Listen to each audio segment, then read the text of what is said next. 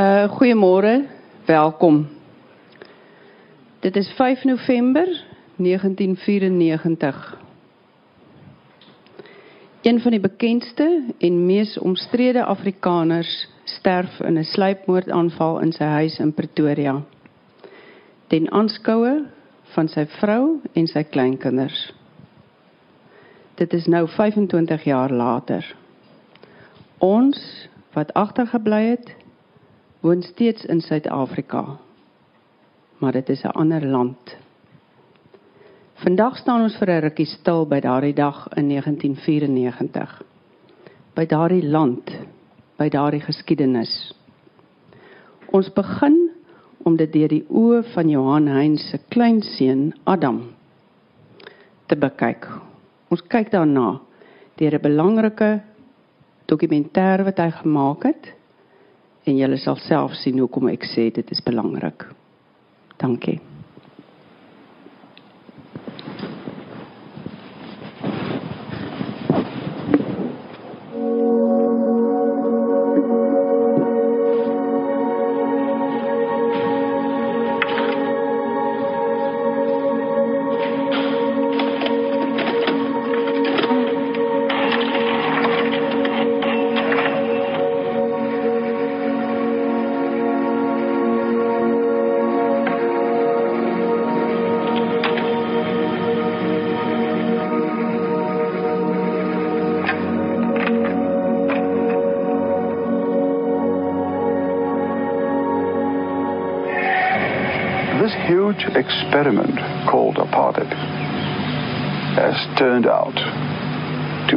Failure. There is a monster in this policy.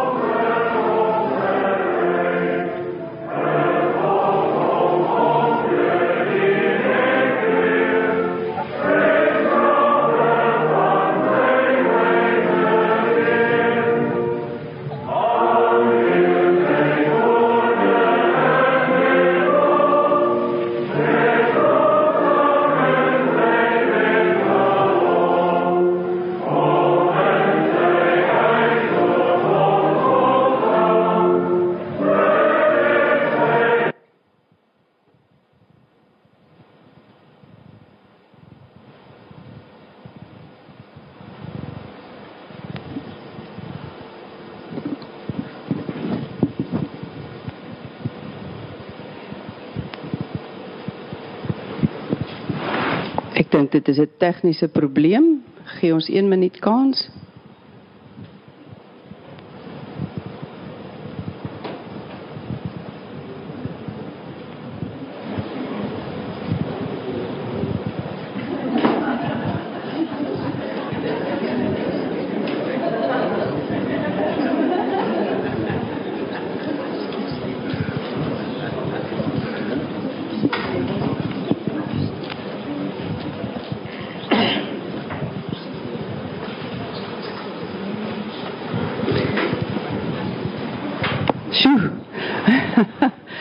Is jammer uh vir die onderbreking.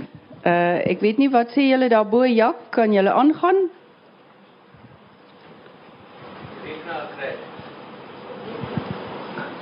Ekskuus toe?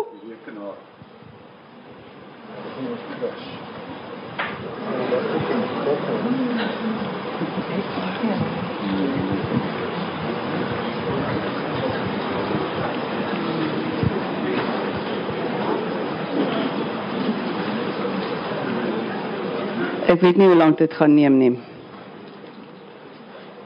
Ek dink wat ons gaan doen is ons gaan so lank gaan ons uh uh voortgaan met ons gesprek. Ons het 'n taamlike goeie idee gekry van hoe uh daar te werk gegaan is met die dokumentêr. Uh wat die aanleiding gewees het tot die maak van die dokumentêr. Adam, jy sê in die in die aanloop van die dokumentêr sê jy dat jy het 'n klomp uh, VHS bande by jou ouma uh gekry en jy het bloot gegaan sit en daarna gekyk om te ontdek wie jou oupa was. Ja, ek ehm um, ehm um, ja, men mense nou net die reis hopelik nog kan sien, maar Ja. ehm um, ek dink uh, aanvanklik was seker so 3 3 jaar gelede wat ek die idee gekry het om miskien 'n dokumentêr te maak. En dit was nog voor ek die tapes gekry het. Ehm um, en dit is ons 'n paar onderhoude en so aan begin skiet, hedendaagse onderhoude.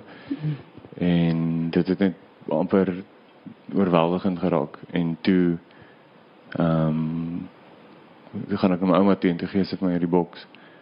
En toe dog ek, okay, hierdie hierdie kan ek mee werk. Dit kom so op alles uit dieselfde wêreld uit. Ja. En ehm um, as en en dit was nou 'n versameling van 'n klomp onderhoude onder andere van Britse onderhoude soos Channel 4 en dan en daar die eerste klip waar sê dis ehm um, this huge experiment called apartheid uh, is turned out to be a failure there's a monster Ja. in this policy that this uh um onderhoud op, op 60 minutes CBS en en die titel ook um Exorcist of Apartheid was in 'n uh, 'n tydskrif het, het het hom so genoem.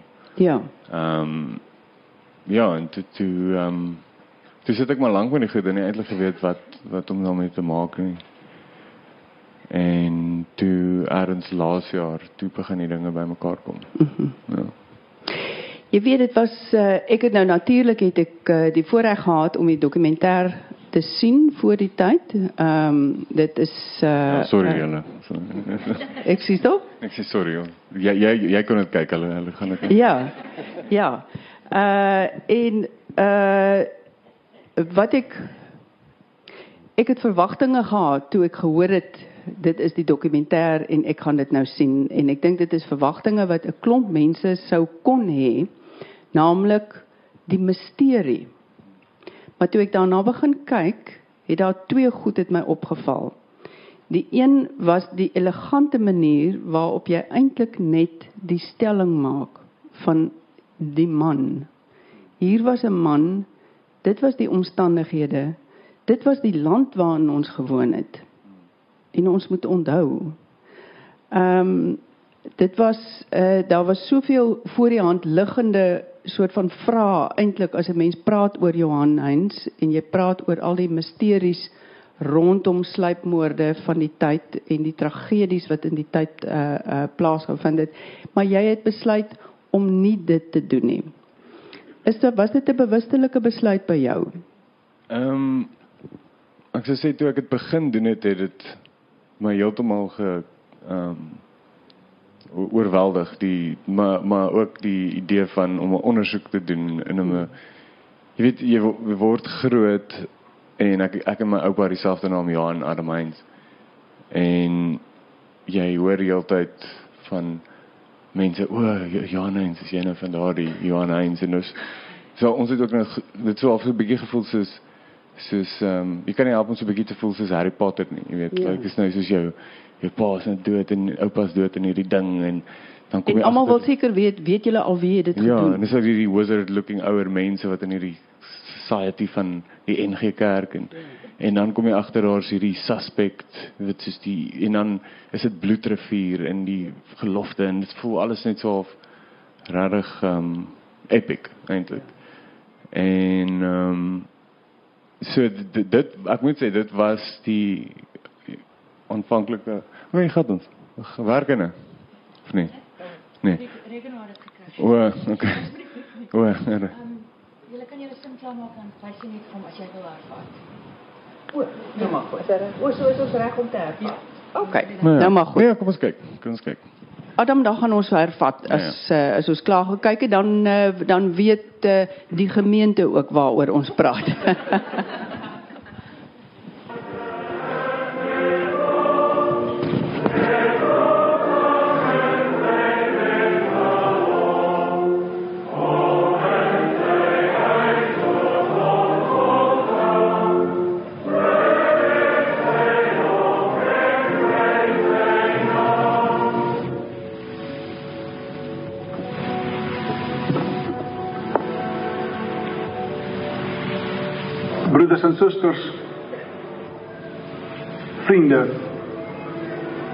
Ons het sopas geluister na die aangrypende verhaal in Amos 9 van 'n volk wat homself verhef het op grond van sy geskiedenis.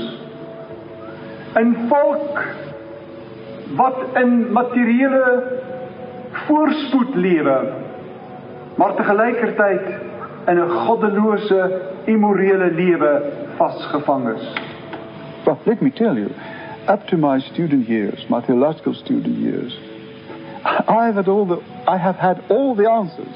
But you know, when for the very first time here in Europe, and namely in Holland, when I sat at the, at the, at the, at the table of the Lord, partaking of bread and wine, together with a black man, there's something happened deep, deep down in my heart. Because that was my very, very first experience of visible unity. Wanneer die volk hoor dat 'n skietloop in hulle midde aangelê gaan word, kom hulle in opstand teen die oordeel van God. En sê hulle aan Amos, hoe is dit moontlik dat God met ons in die oordeel gaan tree, want God is mos aan ons kant. I believe that we do not have in South Africa primarily a political or, for that matter, an economic problem. We have a moral or ethic problem. En die bewys daarvan, so sê die volk vir Amos, die bewys daarvan is geleë in die uittog uit Egipte land. I'd like to to reform my church. I'd like to see reform in our society because we cannot go on like this. Dink daaraan dat dit nie net julle is wat op 'n uittog kan roem. Ook ander volke het 'n dergelike uittog uit die hand van die Here ontvang. Nee, sê God, en hy gaan nog verder in sy gelykskakeling van Israel met die ander volke en hy sê vir hulle uitdruklik: "Julle is vir my soos die Kusiete." En die Kusiete was mense, so weet ons, wat uit Noord-Afrika gekom het. Met ander woorde, behoort dit aan 'n ander ras, meer nog omdat hulle aan 'n ander ras behoort het en uit Noord-Afrika gekom het, het hulle ook buite die verbondsvolk van God gelewe. Is apartheid sonde? Kyk, wanneer apartheid 'n oortreding is van die skrif, wanneer apartheid mense veronreg en 'n groep onregmatig bo 'n ander bevoordeel, dan is dit toch duidelik dat apartheid inderdaad sonde is. Want zonde is om in te gaan teen die wil van God. Met andere woorden, jullie is vir my soos mense van 'n ander ras. In all honesty, I personally don't think that we have a political solution for our problems in South Africa. Unless that is based on a complete change of heart. Ek gaan julle wakker skud om te besef waarom dit gaan omdat julle die sin van julle volksbestaan nie verstaan en nie begryp nie. Op 'n later stadium toe ons alreeds in Pretoria was, het hy ook te doen gehad met heel wat uh dreigbriewe en ook later aan dreigoproepe veral in die nagte hier rondom 3 uur. Mense hom gebel en allerhande We have had opposition against that, very, very strong criticism of those decisions. The mere fact that we are now experiencing a split in the Dutch Reformed Church, I think, is a is a clear sign that that has indeed very, very great consequences for the church. As a matter of fact, for the whole life of South Africa. Op 'n middag het hy vir my gesê hy verwag 'n klompie dames wat hom kom besoek. Hulle noem hulle self die Kappie Komando en hy sê toe vir my, hy het nie 'n idee wat die Kappie Komando kan wees nie. Wat dink ek wat kan dit wees? Gelofte dag het ook 'n heel ernstige gevaarteken wat daarin geleë is dat ons die gebeure van die gelofte losmaak. Dat ons die geskiedenis van God kan losmaak en dat ons gelofte dagtes uiteindelik vir niks anders kan gebruik as om in volksbewustheid en patriotisme patriotisme te kweek en dan verstaan ons nie die diepe religieuse dimensie van gelofte dag nie. Ek ons het in die gewoon en ek het uh uit die boonste vensters uitgeloer. En ek het gesien hoe staan my man daar met 'n uitgestrekte hand om hulle te verwelkom in sy studeerkamer. En een na die ander het die vrouens so by hom verby geloop en uh hom sy hand heeltemal geïgnoreer en dit in die studeerkamer gegaan waar haar alles plaasgevind het, het ek natuurlik nou nie geweet totdat hy my later so een en ander vertel het. The church has asked me to turn my back on my heritage. If I so easily throw away that that I once believed in, what does that make me? What do I offer you as a person if I change as quickly as that? Surely I must have the courage and the guts to stand by for that what I believe and not be a hypocrite. En waarom gaan dit in die koninkryk van God? Dit gaan om reg en dit gaan om geregtigheid en dit gaan om liefde en dit gaan om menswaardigheid. Dit gaan om die ontdekking dat God ook met ander mense in sy koninkryk besig is op pad na die toekoms. En was daar uit uh, met 'n 'n vloek wat hulle oor ons huis en oor my man uitgespreek het. Maar het ons regtig, maar regtig nie daaraan geïnteresseer nie, want dit is nou net absoluut soos kinderagtig. Maybe he he thinks he's right in bring, bringing humanism uh, and liberalism into the church, but I really believe he's wrong. He's destroying something wonderful in our nation. Want God is ook met ander mense besig in die geskiedenis. En ek mag dit wel vir u sê dat ek enorm veel kritiek ontvang het. Nie net van buite die kerk nie, maar ook van binne die kerk. Ek het myself verdedig omdat ek glo met my hele hart wat ek daar gedoen het was korrek. Ten spyte van die feit dat daar baie mense was wat dit verwerp het en my veroordeel het en my gesien het as iemand wat die uniekheid van die Christendom verkoop. Broeders en susters en vriende, is dit die en die oproep van dag. Hou aan die God van die. En dan kan ons die van die verstaan. Amen.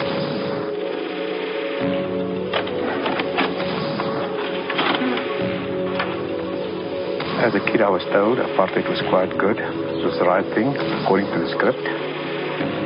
And now suddenly they decided that we were wrong. And now they changed everything around. En ek is elke keer in ons onderhandeling met mense van ander kulture, is ek stom verbaas vir die basiese ja, goodwill wat tog nog aanwesig is. En daarom is ek om 'n konkrete antwoord op die vraag is ek geweldig optimisties, maar dan moet ons dit op 'n baie sensitiewe manier hanteer. Want ons sit in elk geval en dit is waarskynlik een van die grootste bedreigings op die oomblik en ek wil eerlik sê, ek ek praat van uit ervaring, een van die grootste bedreigings wat ons op hierdie oomblik in ons land uh, beleef en dit is die reaksie van regs en van ver regs. Want daar sit 'n stuk ingeboude rasisme wat gewillig is om selfs die wapen op te neem. Die nuustoneel is vandag oorheers deur die sluipmoord op 'n voormalige moderator van die Nederduits Gereformeerde Kerk, professor Johan Heinz. Every paper covers the assassination of yes. Dominee Johan Heinz. Professor Haynes died instantly when he was shot in the back of the head at his Waterkloof home. Professor Heinz is gisteraand koelbloedig in sy huis in Waterkloof, Pretoria doodgeskiet, waar hy die aand saam met sy vrou en kleinkinders deurgebring het. Heinz slaying shock South Africa, and you'll realize that all South African leaders have come out, including the president. His untimely death is a loss to the South African nation as a whole,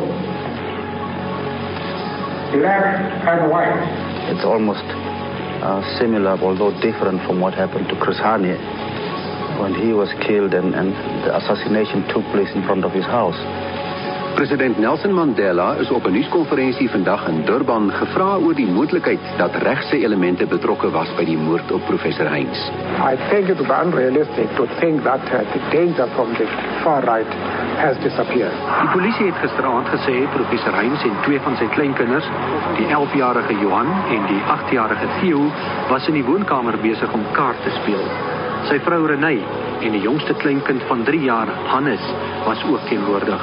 Op die oomblik toe dit gebeur het, het uh, Theo die kaarte net klaar geskommel en ek was besig om die kaarte uit te deel. Guy Fox twist. Which is another awful thing about this bizarre killing because it happens while the crackers were going off, as you might remember. Maar soos jy weet, dit was ehm um, daar was baie klappers in die agtergrond gewees aanvanklike gedagte was geweest dat dit eh, 'n uh, klapper was wat in huis gekom het want daar ons het vlam gesien en dan 'n geweldige lawaai. Omstreeks 10 oor 8 is 'n enkele skoot van buite die woonkamervenster afgevuur. En ek het dadelik besef maar dit is nie 'n klapper nie en ek het opgekyk en na die kinders gekyk en hulle het soort van half oorend gekom van skrik. Professor Heinz is in die agterkop getrek. En toe ek na my man gekyk langs my en toe ek besef wat gebeur het. Ek het onmiddellik besef dat ek uh heeltemal niks aan hom kan doen nie. Mevrou Heinz het onmiddellik hulp ontbied, maar dit was te laat. Haar man was reeds dood. Nou ja, op daai oomblik kon ek die baie bekende blitspatrollie nommer glad nie onthou nie. Een van die oudste kleinkinders, uh Johan, het toe vir my die nommer uit sy kop gesê en dit ek het dit dadelik besef dit is korrek en ek het die nommer geskakel. Die blitspatrollie was baie baie gou hier gewees. Leidrade was min. Vroeë aanduidings is dat 'n swaar kaliber geweer gebruik is. Op hierdie stadium word alles opgevolg, forensies, ballisties, spoorhonde is op die toneel. Die moontlikheid dat die moord polities geïnspireerd was, word nie uitgesluit nie. Behalwe vir professor Heinz se naasbestaandes binne die woonkamer kon geen ander ooggetuies van die moord tot dusver gevind word nie. Eh, so in 1986 tot 90 uh, eh, was ons daarop ingestel geweest dat so iets kan gebeur. En uh, maar dit was vir my toe toe dit nou werklik gebeur, toe was dit vir my asof dit 'n soort van bekend was. Ek het dit al in die verlede geantisipeer en 'n soort van iets van uh ek het dit nou nie eens vir woorde vir myself gesê maar iets van is dit nou nou het dit gebeur. Die polisie wou nie beweringe bevestig dat 'n Land Rover met 'n oop enjin kap vroeër die aand naby die woning gesien is nie. Ons familie is geweldig geskok. Dit is 'n groot tragedie. My pa was 'n kerkman gewees. Hy het sy hele lewe aan die kerk gewy. Die enigste troos wat ons het is dat ons weet hy is ook nou by sy hemelse Vader en ons hoop dat die moordenaar mag vrede vind vir die daad wat hy gepleeg het. Ja, wel ek kan nie kan regtig nie dink watter soort persoon nie. Persoonlik voel ek jammer vir so 'n persoon want ek reken so 'n persoon met baie siek wees eintlik om so iets te kan doen aan 'n ander man. Te meer nog toe hy gesien het dat daar kinders by is en tog voortgegaan met sy idee. Dit kan net 'n siek man wees en vir, vir 'n siek mens moet mens uh jammer wees. Hoewel uh ek voel tog dit sal uh 'n belang van die land wees. In belang van ander mense wat dalk in gedagte het as hy miskien kan uh gevang word. Maar uh ons koester geen wraak gedagtes ten opsigte van hom nie. I think that many of us have, have been thinking that now that the changes have taken place, no one would be so crazy as as to want to um, assassinate um, a Joan Haynes, um, and one just wonders what has happened to the humanity of someone who could carry out such a dastardly deed, especially in front of children, and and what is there to gain? Maximum terror. It is awful. I mean, the fact that he was killed whilst he was playing with his grandchildren it gives it another bizarre, bizarre twist. And in Cape Town this afternoon, Parliament took the unusual step of affording time to pay tribute to Professor Haynes. In the National Assembly, party spokespersons supported a tribute introduced on behalf of government by Housing Minister Joe Slovo.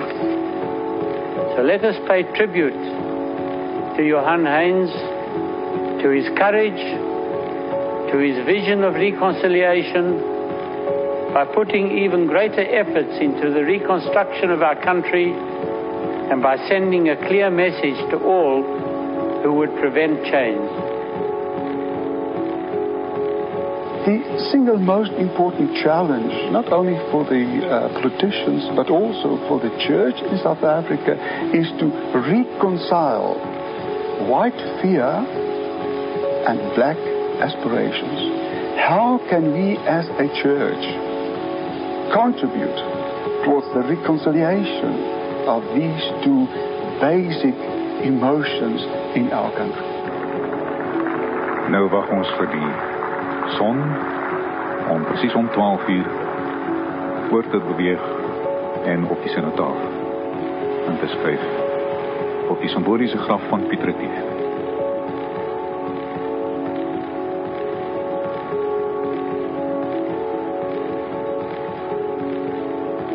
Talle mense wat hierdie besondere gebeurtenis by die praalgraf gadeslaan. Die sonkool wat nou oor die simboliese graf beweeg. Ja. Uh,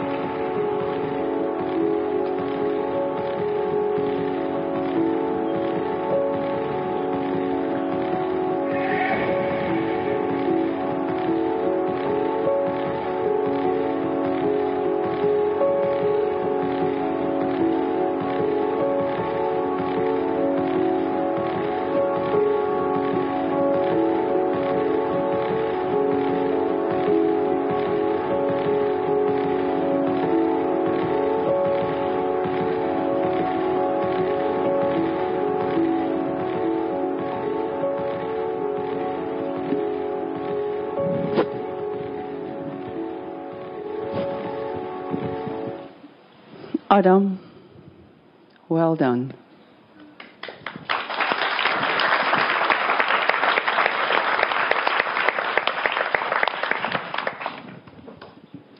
Adam is die kleinseun en Adam is 'n bekende filmmaker en ook 'n akteur. En ek dink wat jy hier gedoen het met jou oupa, geen een kon 'n meer elegante dokumentêr maak oor hierdie ontsettende ding wat gebeur het nie. Ek het regtig waar koue rillings gehad. Ehm um, vir mense uit my geslag wat kom uit die tyd wat geweet het hoe dit gelyk het daai tyd, wat geweet het hoe hoe die land gelyk het, wat presies geweet het wat die gevare was. Ehm um, vir mense soos my het jy ten diepste aangeraak. En ek dink jy het dit beter gedoen deur gewoon dit so te doen as om die meer ooglopende ding te gaan doen, naamlik 'n ondersoekende stuk werk. Ja, baie baie dankie. Um, Was dit jou bedoeling gewees? Die ondersoekende ding. Om om dit juis te systep. Ehm um, dit dit dit dit was al wat vir 'n krag gehad het eintlik om eerlik te wees. Soos ja. op die oomblik as ek nou na die ehm um, video kyk, is ek soos dit voel maar so of onvolledig, maar toe ek dit gemaak het, het ek gevoel hierdie is wat dit is. Ehm, um, maar ek mag dalk ook noem, dit is 'n bietjie bietjie donker. Ehm, um, ek weet nie of ek mooi kan sien nie, maar tussen die VHS goeders is daar nog jy weet ander dele van 'n TV wat gekyk word of ek wat nou die TV kyk en aansit en so aan. en dit was ook nog 'n dalk interessant om te noem. Ehm um, ek het laas jaar afgekom met die vir 'n vir 'n job hier in die Kaap en toe is ek kind of huisloos en en Carlos en jobless na rukkie en toe ehm um, het ek 'n vriend uh, Willem van die Heever wat ehm um, sy ouers uh, sy pa 'n dominee is wat toe ehm um, geplaas is in Rondebos. En hy sê nee sy ouers gaan nou weg en um, kan ek die huis oppas? En dis nou die pastorie En toe gaan ek na die gaan ek dan toe om vir Obama die Jack Russell op te pas. Oh. En en en dit is toe die huis waar my my pa groot geword het, waar my oupa hulle gebly het. So dit was net so kind of jy weet ek op 'n stadium het ek net hierdie projek net abandon. Ek wou dit net eintlik meer doen nie, maar nou jy's nou land ek nou hier in hierdie huis op en die en, universe jou amper gedruk ja, om dit te doen. Ja, doen dit nou en en ek het op 'n stadium ons huis toe gegaan. Hier is my ma. Ja. Ja. ja. Ehm um, hy het toe gegaan weer in Pretoria en daarso 'n uh, tape gekry met al hierdie nuus wat een van er iemand het uh, dit was letterlik in die garage gelê. Dit so of die die laaste die laaste tweede deel van die dokumentêr die soos wat die nuus gebreek het. Iemand klomp goeders van van my oupa van die TV af opgeneem. En toe kom hierdie vriend Willem terug en hy's ook 'n filmmaker. En toe toe werk ek en hy saam in 'n studio in Woodstock en toe besluit ons om hierdie ding saam klaar te maak. Ja. Ehm um, so dit het so 'n bietjie van 'n ehm um, so so 'n tipe van 'n tot verhaal gekom in 'n manier. Ja. Ehm um, dat ek en hy saam kon werk daaraan ja. en julle link en Ja. Ja. Ja. Ons is baie baie baie bly dat jy dit kon klaarmaak. En ons is baie bly moet ek bysê dat uh, dat Adam hier op die verhoog uh, sit by ons. Die man is eintlik dodelik siek. Hy sukkel.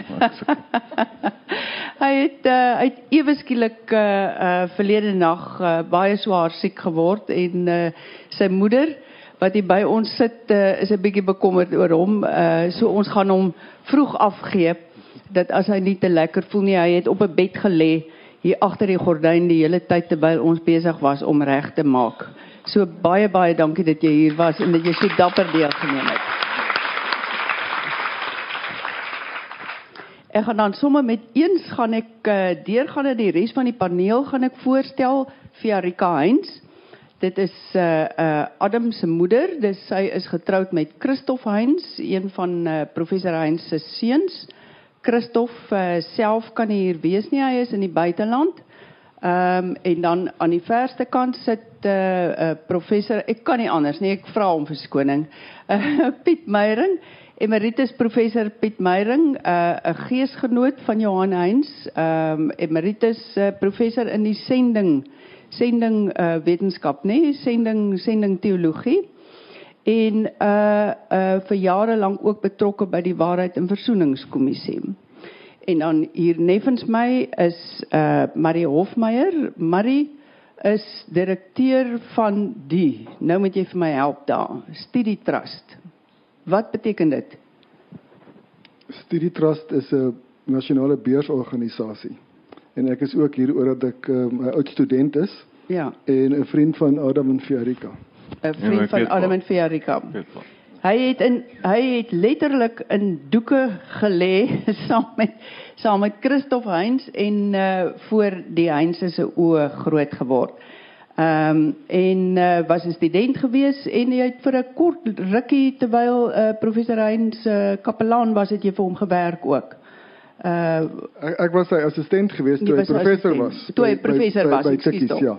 Ja. Goed. Ek wil vinnig wil ek deurgaan terwyl ons nou die familie hier bymekaar het. Via Rika. Uh vir die land was dit 'n geweldige tragedie. Uh dit was 'n tragedie in die geskiedenis van die van die van die ontwikkeling 'n verskriklike moeilike barens geskiedenis van die land. Dit was nie 'n maklike oorgangstydperk nie. Die uh hoeveelheid mense wat dood is in daai tyd tussen 1990 en 94 is 'n getuienis daarvan. Maar jou skoonvader het 'n besliste invloed daarop gehad en dit gaan ons nou verder bespreek nog.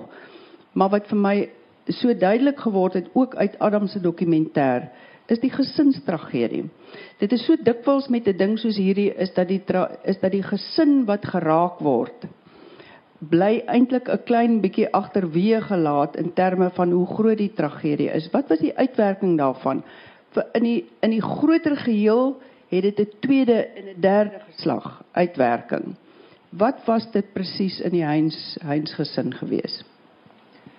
Uh, ja, dankie Karen vir die geleentheid. Ek dink ek wil net net begin deur um baie dankie te sê vir die geleentheid en ook net verskoning te maak vir my skoonma Renée Heinz wat nou nie vandag hier is nie. Ek dink baie het dalk gedink hulle gaan haar vandag hier sien. Maar um sy is 'n bietjie ongesteld um alhoewel sy 88 en baie helder is. Um sou sy regtig graag hier wou wees en en maar sy het nou nie kans gesien fisies eintlik om te kom nie, maar um ja, nee met haar gaan dit eintlik baie goed nog. Um, verder wil ek nou net sê destyds ja, dit was 'n geweldige skok en het die familie diep getref. Um, ons gesin uh, was in Duitsland op daardie stadium in 94. Ons is in het in Heidelberg gewoon waar my man navorsing gedoen het. Die kinders was baie klein en ons het gery van Switserland na Duitsland op daai stadium. Dit was voor selfone al daai dinge. Hulle het probeer om ons in die hande te kry.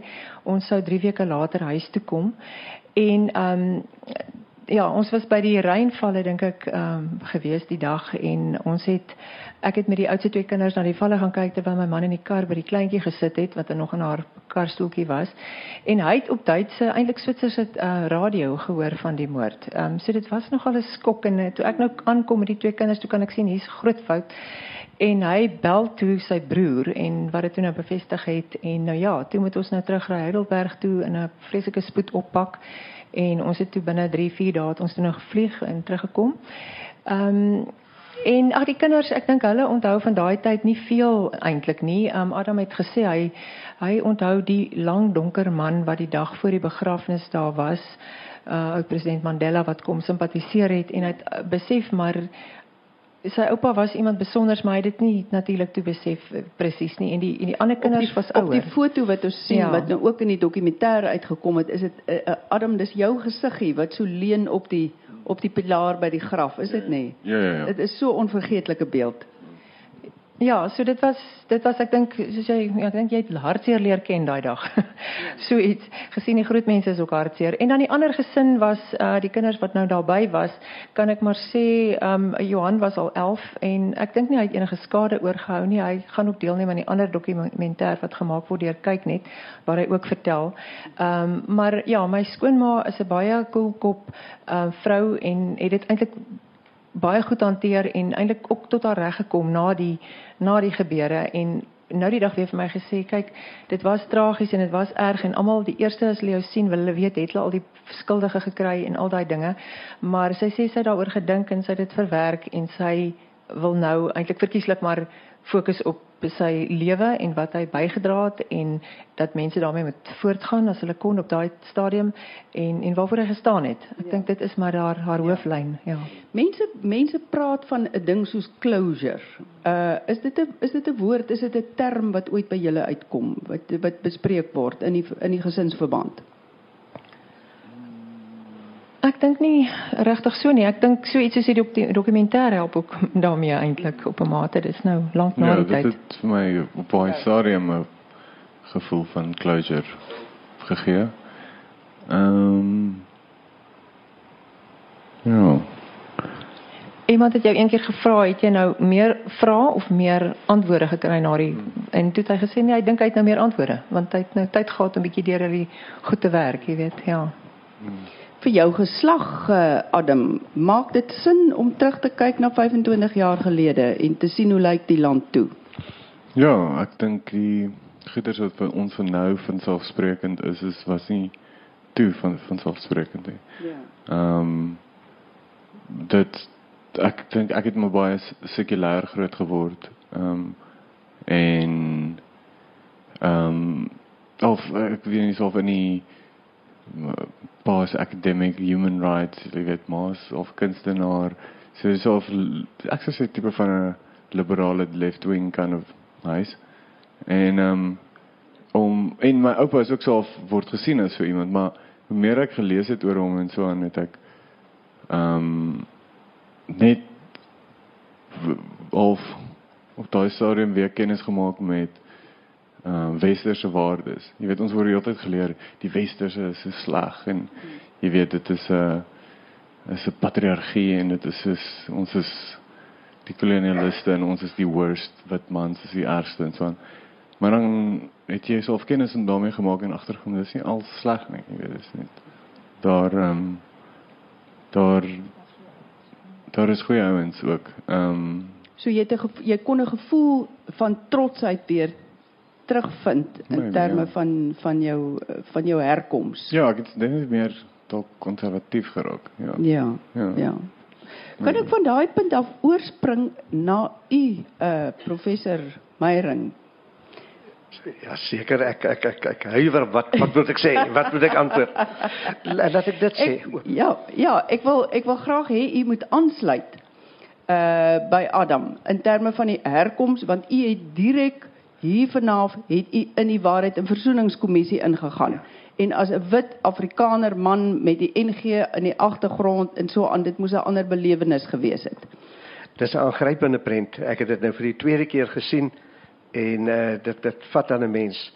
Die die term eksorsis van apartheid is 'n geweldige term. En ek wonder wat Johan self daarvan sou gesê het. Uh die titel kom jy geneem van 'n koerantberig en ek dink dit pas, maar mens moet dit miskien 'n bietjie in perspektief stel. Johan Heinz was nie die eerste een om oor apartheid te praat nie. Om die waarheid te sê hier in Stellenbosch, Pretoria, was daar ander teoloë wat die pad gewys het. Jare gelede was dit oom Ben Maree byvoorbeeld en en uh, oom Beyno D wat duidelik daardie pad opgegaan het en daarvoor ook uh, gelei het en swaar gekry het. Stellenbosch was Willie Jonker daar en Nico Smit, hele klomp ander mense. Maar en hulle was almal tydgenote eintlik geweest van Johan van Heinz, Johan Heinz. Hulle hy- was in Selmanies kweekskool as ek dit nie reg het Kyk, hy nie. hy is nie hy was nie kweekskool nie, hy het baie beter gedoen. Hy was in Pre- in Pretoria by die teologiese fakulteit. Maar in maar in daardie in daardie klas van hom was daar 'n merkwaardige groep. Dit is so so vreemde ding wat in die geskiedenis mos gebeur dat skielik gebeur 'n ding. In daardie klas van hom was Nico Smit en was Marie Jansson en was Marie se pa Andrew Hofmeyer en uh en uh Johan Heinz en Willie Jo- Willie Willie Jonker, Jonker. Karel Boshoff, kan jy dit glo? Hulle ja. almal van links, regs, almal was in daardie klas. Uh maar die die Dit interessante ding is omtrent so 'n tafereel van die Afrikaners geweest van Absoluut, destyds, absoluut. Maar die die ek dink die ding wat Johan so belangrik gemaak het was dat uh, hy het hy het nie baie gou op die punt gekom waar hy apartheid bevraagteken het nie. Vir baie jare was Johan die liefling in die Afrikaner gemeenskap en die liefling in die NG Kerk omdat hy ons saak so goed kon stel. Omdat hy uh, in eie kring maar veral ook in die buiteland en ekumeniese gesprekke was hy die man wat altyd voorgestoot is. En Johan kon op sy mooiste vir die mense sê kry het tog 'n bietjie simpatie met uh, wat in Suid-Afrika gebeur en hoe die NG Kerk probeer om die dinge te sien hoe die land die dinge moet uh, wil hê dat dit moet gebeur. Maar toe Johan so teen die einde van die 70er jaar die 80er jare sy draai gemaak het het hy sy draai gemaak. En dit het 'n geweldige invloed gehad en impak en dit het gemaak dat hy uh deur baie mense absoluut aangegryp is as die profeet wat sê ons kan op 'n nuwe pad gaan. Maar aan die ander kant ook dat hy uh in die meer regse kringe in die Afrikaanse gemeenskap maar ook in die NG Kerk baie swaar gekry het omdat hulle gesê het wat op aarde nou gebeur? Die lieflingseun van Suid-Afrika het het nou gedraai en hoe moet mense dit verstaan Ja. en dit As- was vir hom moeilik As u praat van die lieflingsseun dan uh verwys u ook hy was in 'n stadium was hy leraar gewees by die Rondebos gemeente. En dit is waar die eerste ministers het hulle hulle het daar kerk gegaan. So dit was die verwoerds gewees Dis en so. John Foster hulle en die manne het daar het hulle het hulle aan sy voete het hulle gaan sit so hulle het ook sy oor gehad. Dit is so, daar's mos 'n een wonderlike storieetjie wat dat hy genooi is deur John Foster om skaak te kom speel. Uh in die eerste minister se woning.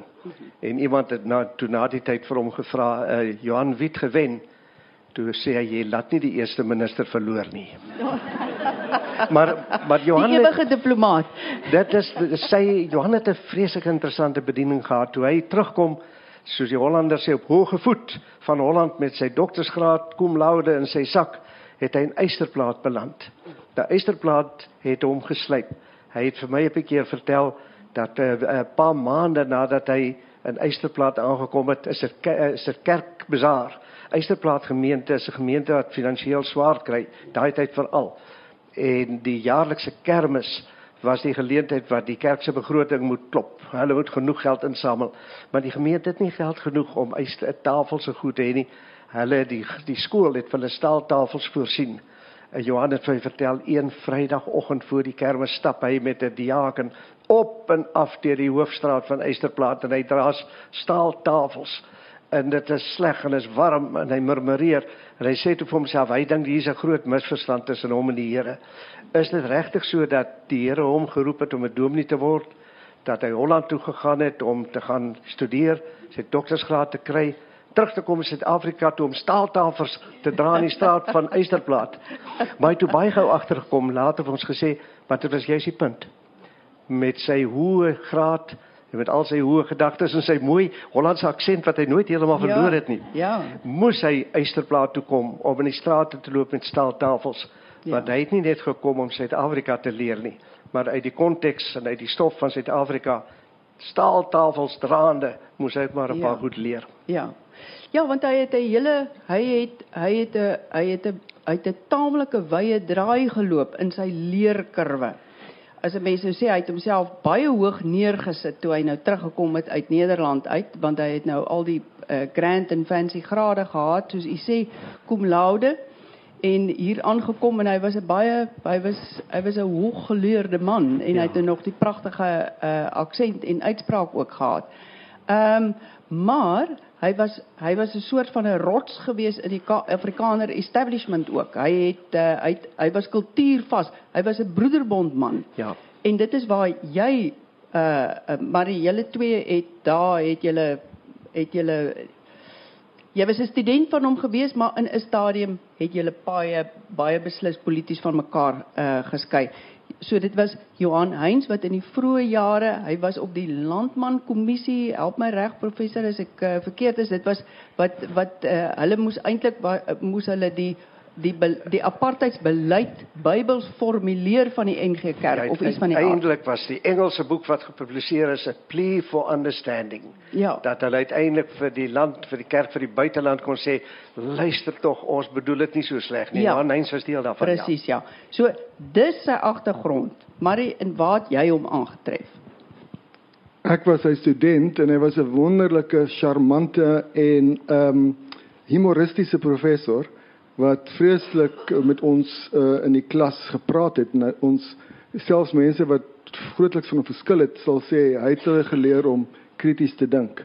Maar as jy nou praat van die Eysterplaat tyd, een van sy stories van Eysterplaat was gewees dat hy een keer 'n uh, troue gehou het op 'n Saterdagmiddag en daai tyd het jy nog gevra as daar enige iemand wat beswaar maak en die bruid se pa spring toe op en sê ek maak beswaar. Hy was al so 'n bietjie hy het 'n bietjie gekuier gehad en Heinz het vir hom gesê sit van Staden en aangegaan met die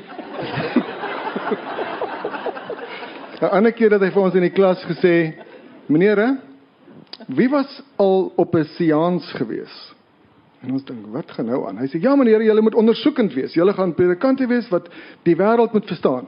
Ek was op 'n seans gewees. Kort voordat ek oor see is, het my hulle my oupa vir my opgeroep. Ek het my oupa baie onoorspronklik gevind die aand. Want hy het my gesê daar lê vir jou groot veranderinge voor. Wat tog klaarblyklik was. So toe die volgende dag toe hoor ons een van ons medestudente wat geweet het van hierdie dinge sê Prof Heinz het 'n binding want hy het geheel met daai wêreld. En uh, dis eintlik hoe ek hom dan verstaan het altyd van ek was bietjie te bandeloos vir hom. hy het 'n binding gehad aan die aan die Afrikaner, broederbond, al daai goeters en op 'n bepaalde moment in ons geskiedenis het hy ehm um, het daai binding van hom, daai band wat hy wat hy wat hy vasgehou het. Ja, hy was 'n rots. En uh soos Piet ook Piet ook gesê het, toe hy verander het, was daar regtig 'n verandering.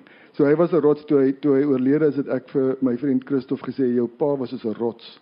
Ehm um, dis moeilik geweest om hom te beweeg.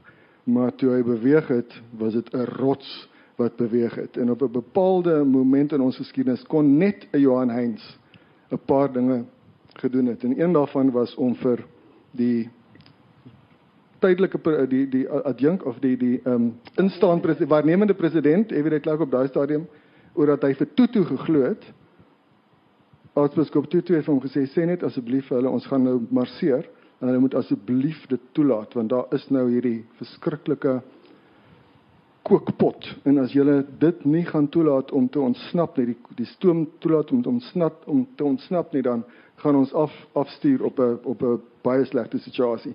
En Johannes het dit teen die veiligheidsestablishment se raad in het hy dit vir Evie de Klerk gesê en Evie de Klerk het hom geglo want Johannes het vir Tutu geglo maar hy het vir aartsbiskop Tutu leer ken op 'n baie baie menslike hulle het mekaar se spiritualiteit herken en ten spyte van die verskille kon hulle mekaar vertrou.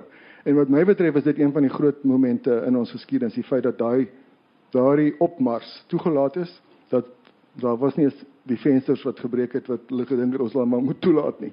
En dit is wel eintlik waar ek dink uh, president de Klerk 'n groot um, ook moed geskep het om om sy eie pad te loop.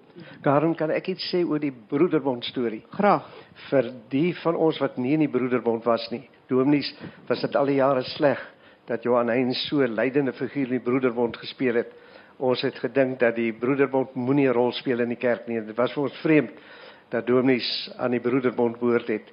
Op 'n keer het ek selfs die stoute stoute skoene aangetrek as 'n junior kollega van Johan ons saam met Rykie uh, Verenen by hom te gaan sit of hom te sê Johan, jy kompromiteer jou getuienis deur so 'n rol te speel in die broederbond uh, jy moet bedank. Ek het later gedog dit was dan absoluut voor op die wa van my. Maar Johan het die tyd vir ons gesê wat hy baie keer gesê het is hy dink sy rol is om van binne uit te getuig. En dit is moeilik uiteindelik sal sal die geskiedenis maar moet wys wie wie, wie reg was om byna 3 jare gelede het besluit hy is buite die NG Kerk. Daar sal hy sy getuienis lewer. Hy het nie opsie nie. Nico Smit het dieselfde pad gekies.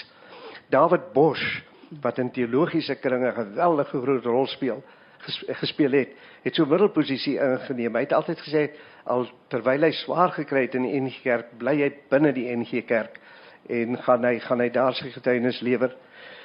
Daar was in die 80er jare 'n groeiende groepie NG Domies uh wat probeer het om bietjie beswaar te maak teen apartheid. En baie keer die wind baie van voor gekry het.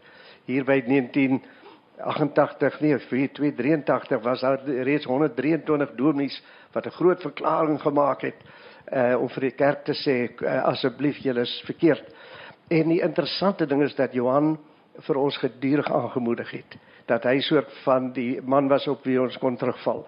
As ons die wind te te veel van voor gekry het, dan het hy gesê gaan aan en het hy in sy kring het hy probeer om vir ons te beskerm wat ek geweldig waardeer het. Maar so ek dink ehm um, dit lyk vir my die, kerk het maar verskillende profete nodig gehad. Party wat radikaal buite gestaan het. Party wat binne gestaan het. Het almal 'n rol gespeel om die kerk op die plek te kry waar die kerk uiteindelik moes wees. Kyk en dit was die kerk wat op 'n op 'n bepaalde plek moes gewees het, maar op die ou einde was dit spesifiek die mense wat toe die land beheer het wat aan die bewind was van die land wat op 'n bepaalde plek uh gekry moes word.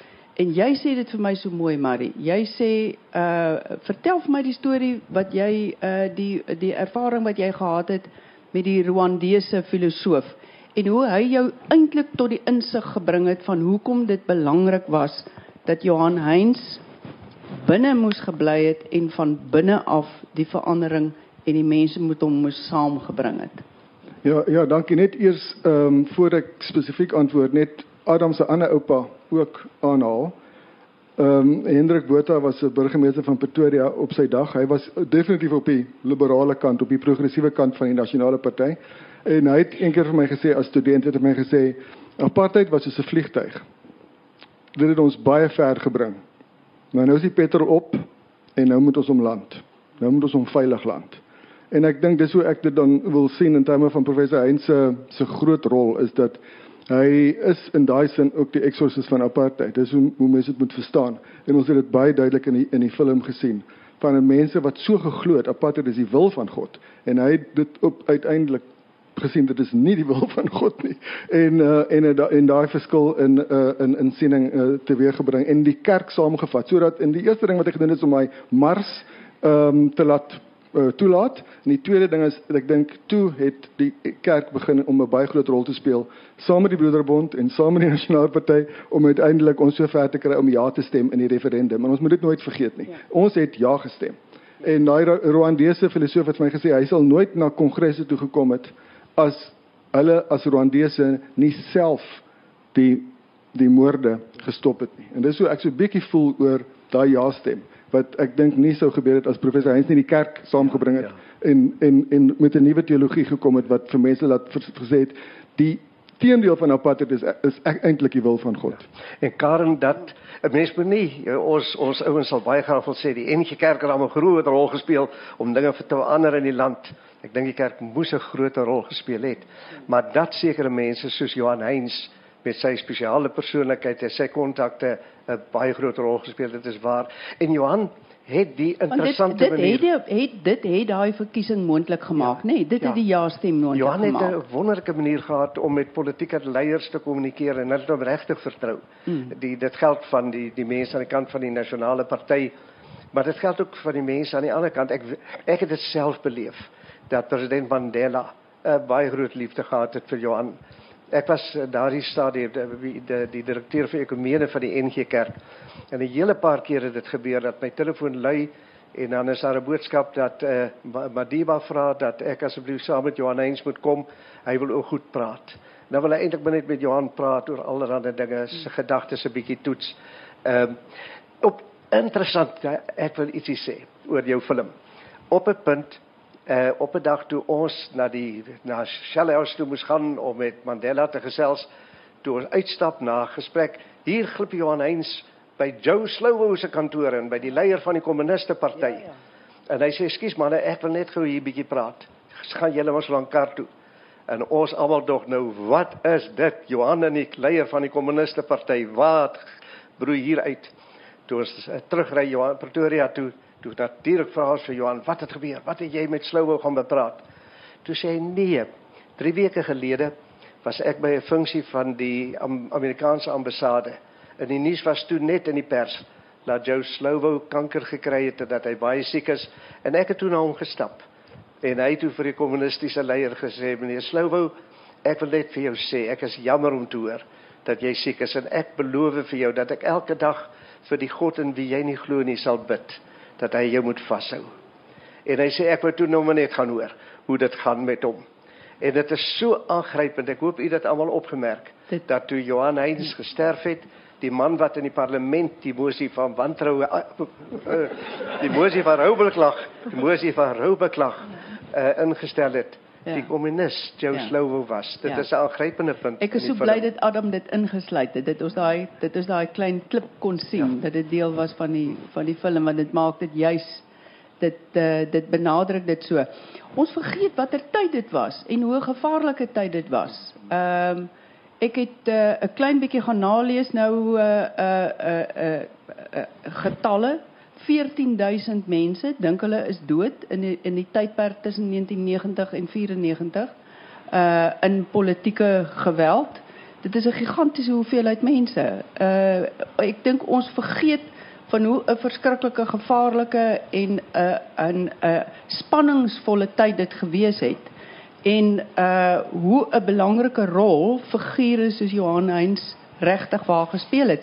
Hy vertel die storie van die brugbouer Wat is die storie van die brugbouer? Dis, dit is 'n wonderlike ding wat ek dink almal wat op een of ander manier ergens betrokke is by die proses van versoening of probeer om ergens dinge bietjie beter te maak, maar ergens te word opneem.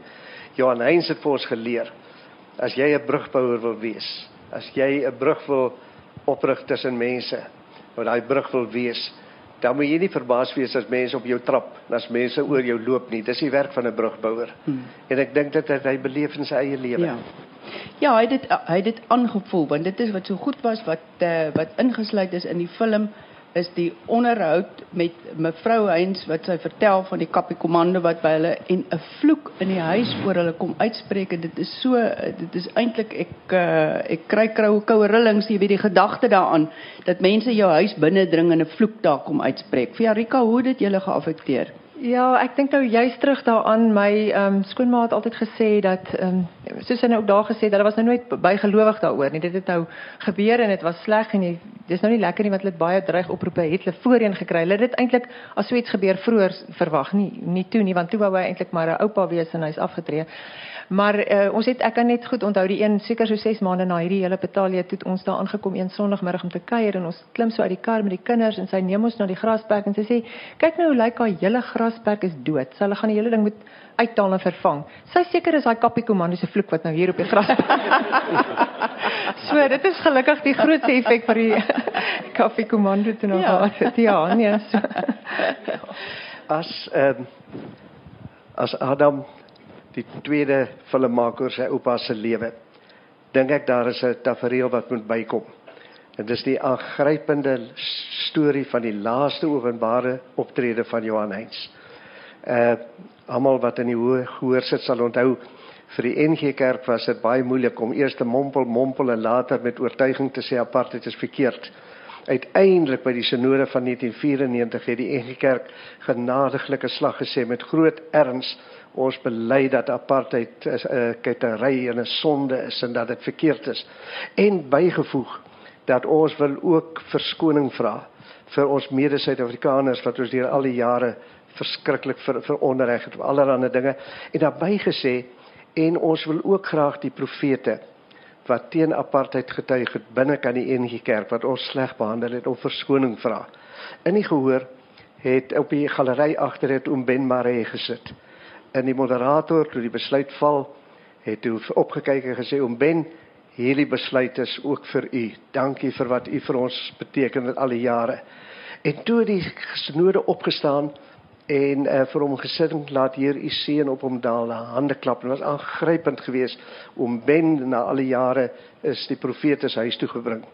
Ek het die aand met oom Byno D op die telefoon gesels, of hom vertel wat gebeur het. Toe sê hy vir my Piet, dink jy ek kan môre se node toe kom? Toe sê ek ja, kom, kom so net voor 10. Mm. Dan kan die teedering saam met die moderatuur maar kom.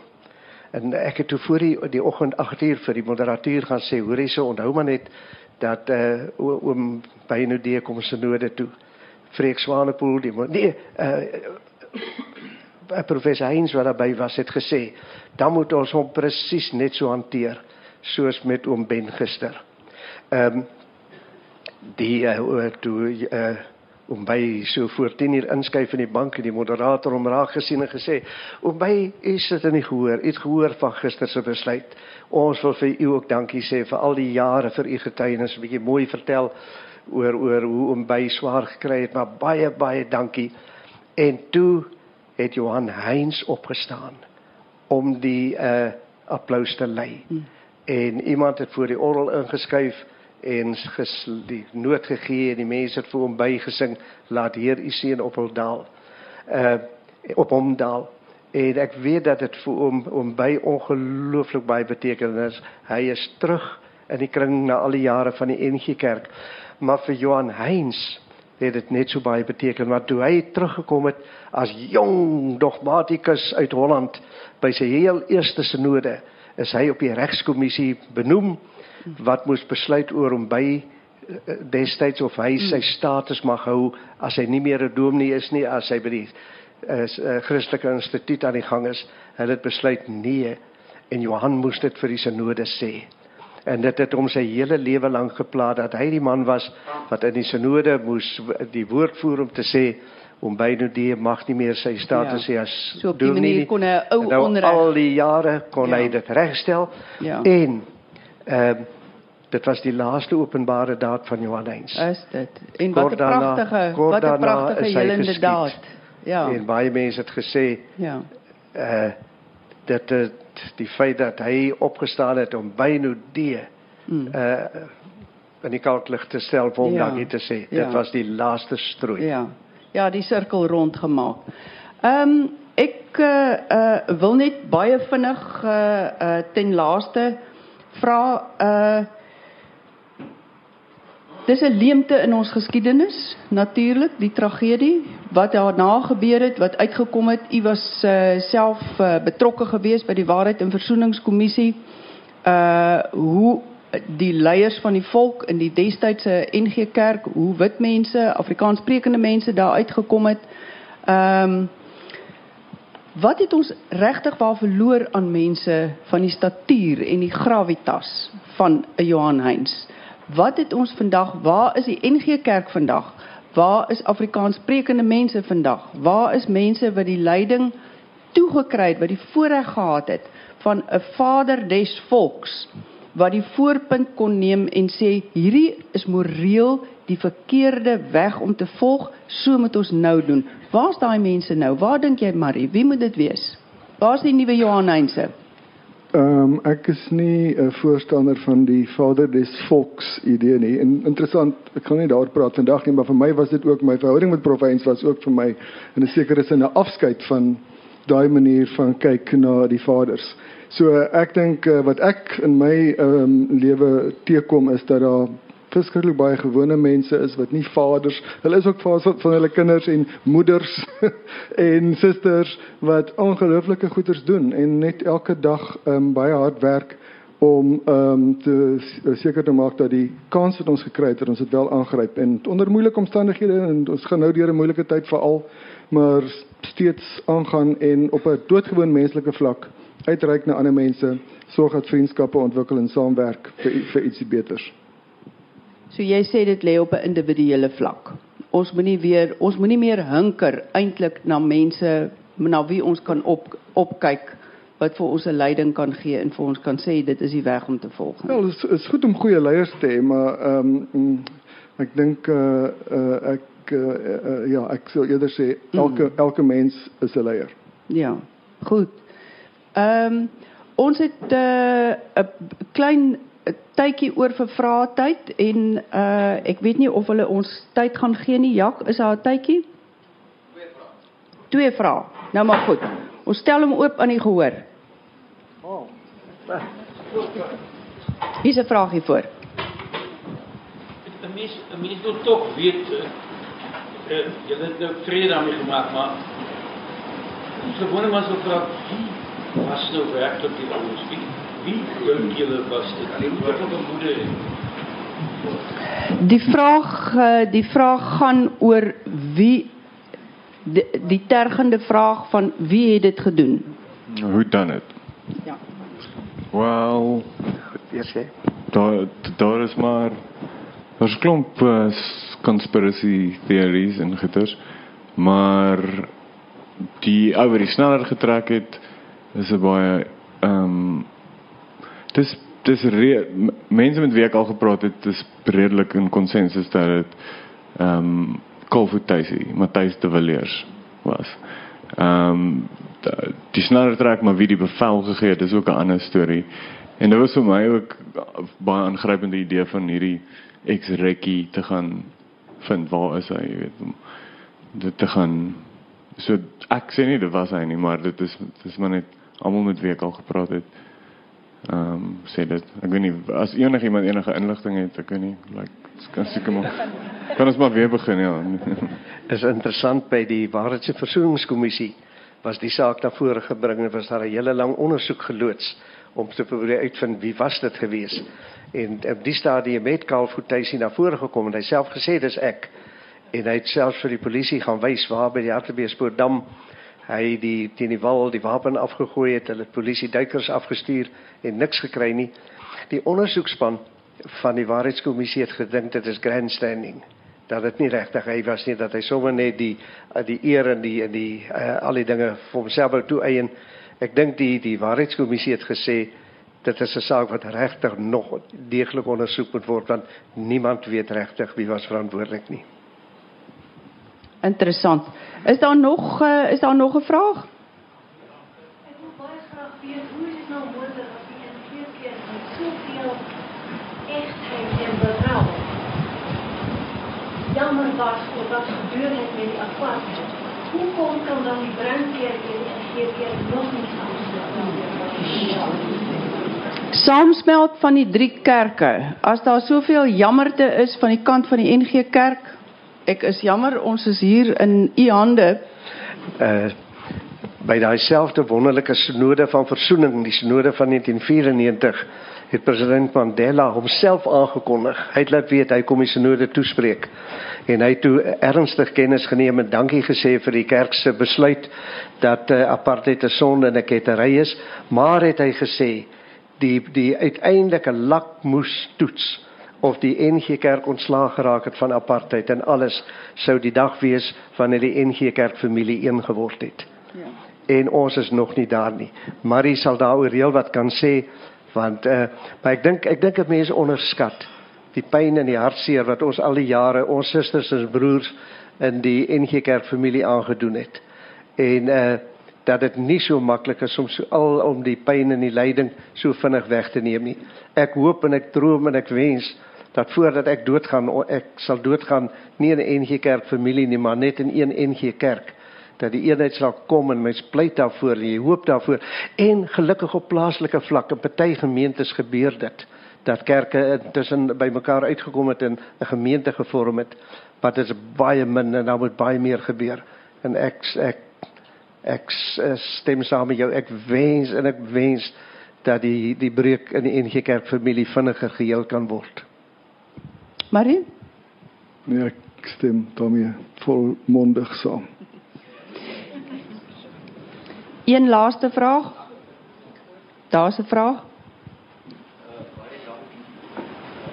Adam, ek wil vir jou baie dankie sê vir die film wat jy gemaak het en die insig uh wat vir ons bevestig is aangaande jou oupa. In die gesprekke wat hy voer, praat hy ook van die koninkryk van God. Dit was vir hom 'n geweldige belangrike. Uh die daardie terrein waar Christene voortdurend moet getuig. Hy het dit baie kragtig gedoen met betrekking tot apartheid. Maar ek dink as ons kyk na die toestand in die NG Kerk vandag en in Suid-Afrika en ook onder die lidmate van die NG Kerk dan het ons in baie opsigte die bal laat val. Uh, en ons het nodig as Christene om weer ons roeping in hierdie land en die morele lewe van hierdie land op te neem en te vra dat dit deel sal word van die struktuur van Suid-Afrika. Dit gaan nie maklik wees, maar ek dink dit is uiters nodig dat dit moet Baie dankie. Ek sê baie dankie aan 'n wonderlike paneel. Adam, baie dankie. Dit is danksy jou wat ons almal hier kon wees uh vandag en dat ons saam kon geniet aan 'n pragtige film wat jy gemaak het. Uh ek herinner graag die gehoor daaraan later in die jaar kom daar 'n reeks. Dit is die laaste reeks oor die Afrikaner. Dit word uitgesaai op uh kyk net en uh daar gaan ook 'n hele hoofstuk gaan gewy word aan die geval uh uh of aan die geskiedenis uh van Johan Heinz. Ons het nie tyd nie, ons wou 'n uittreksel. Is daar tyd, Jak?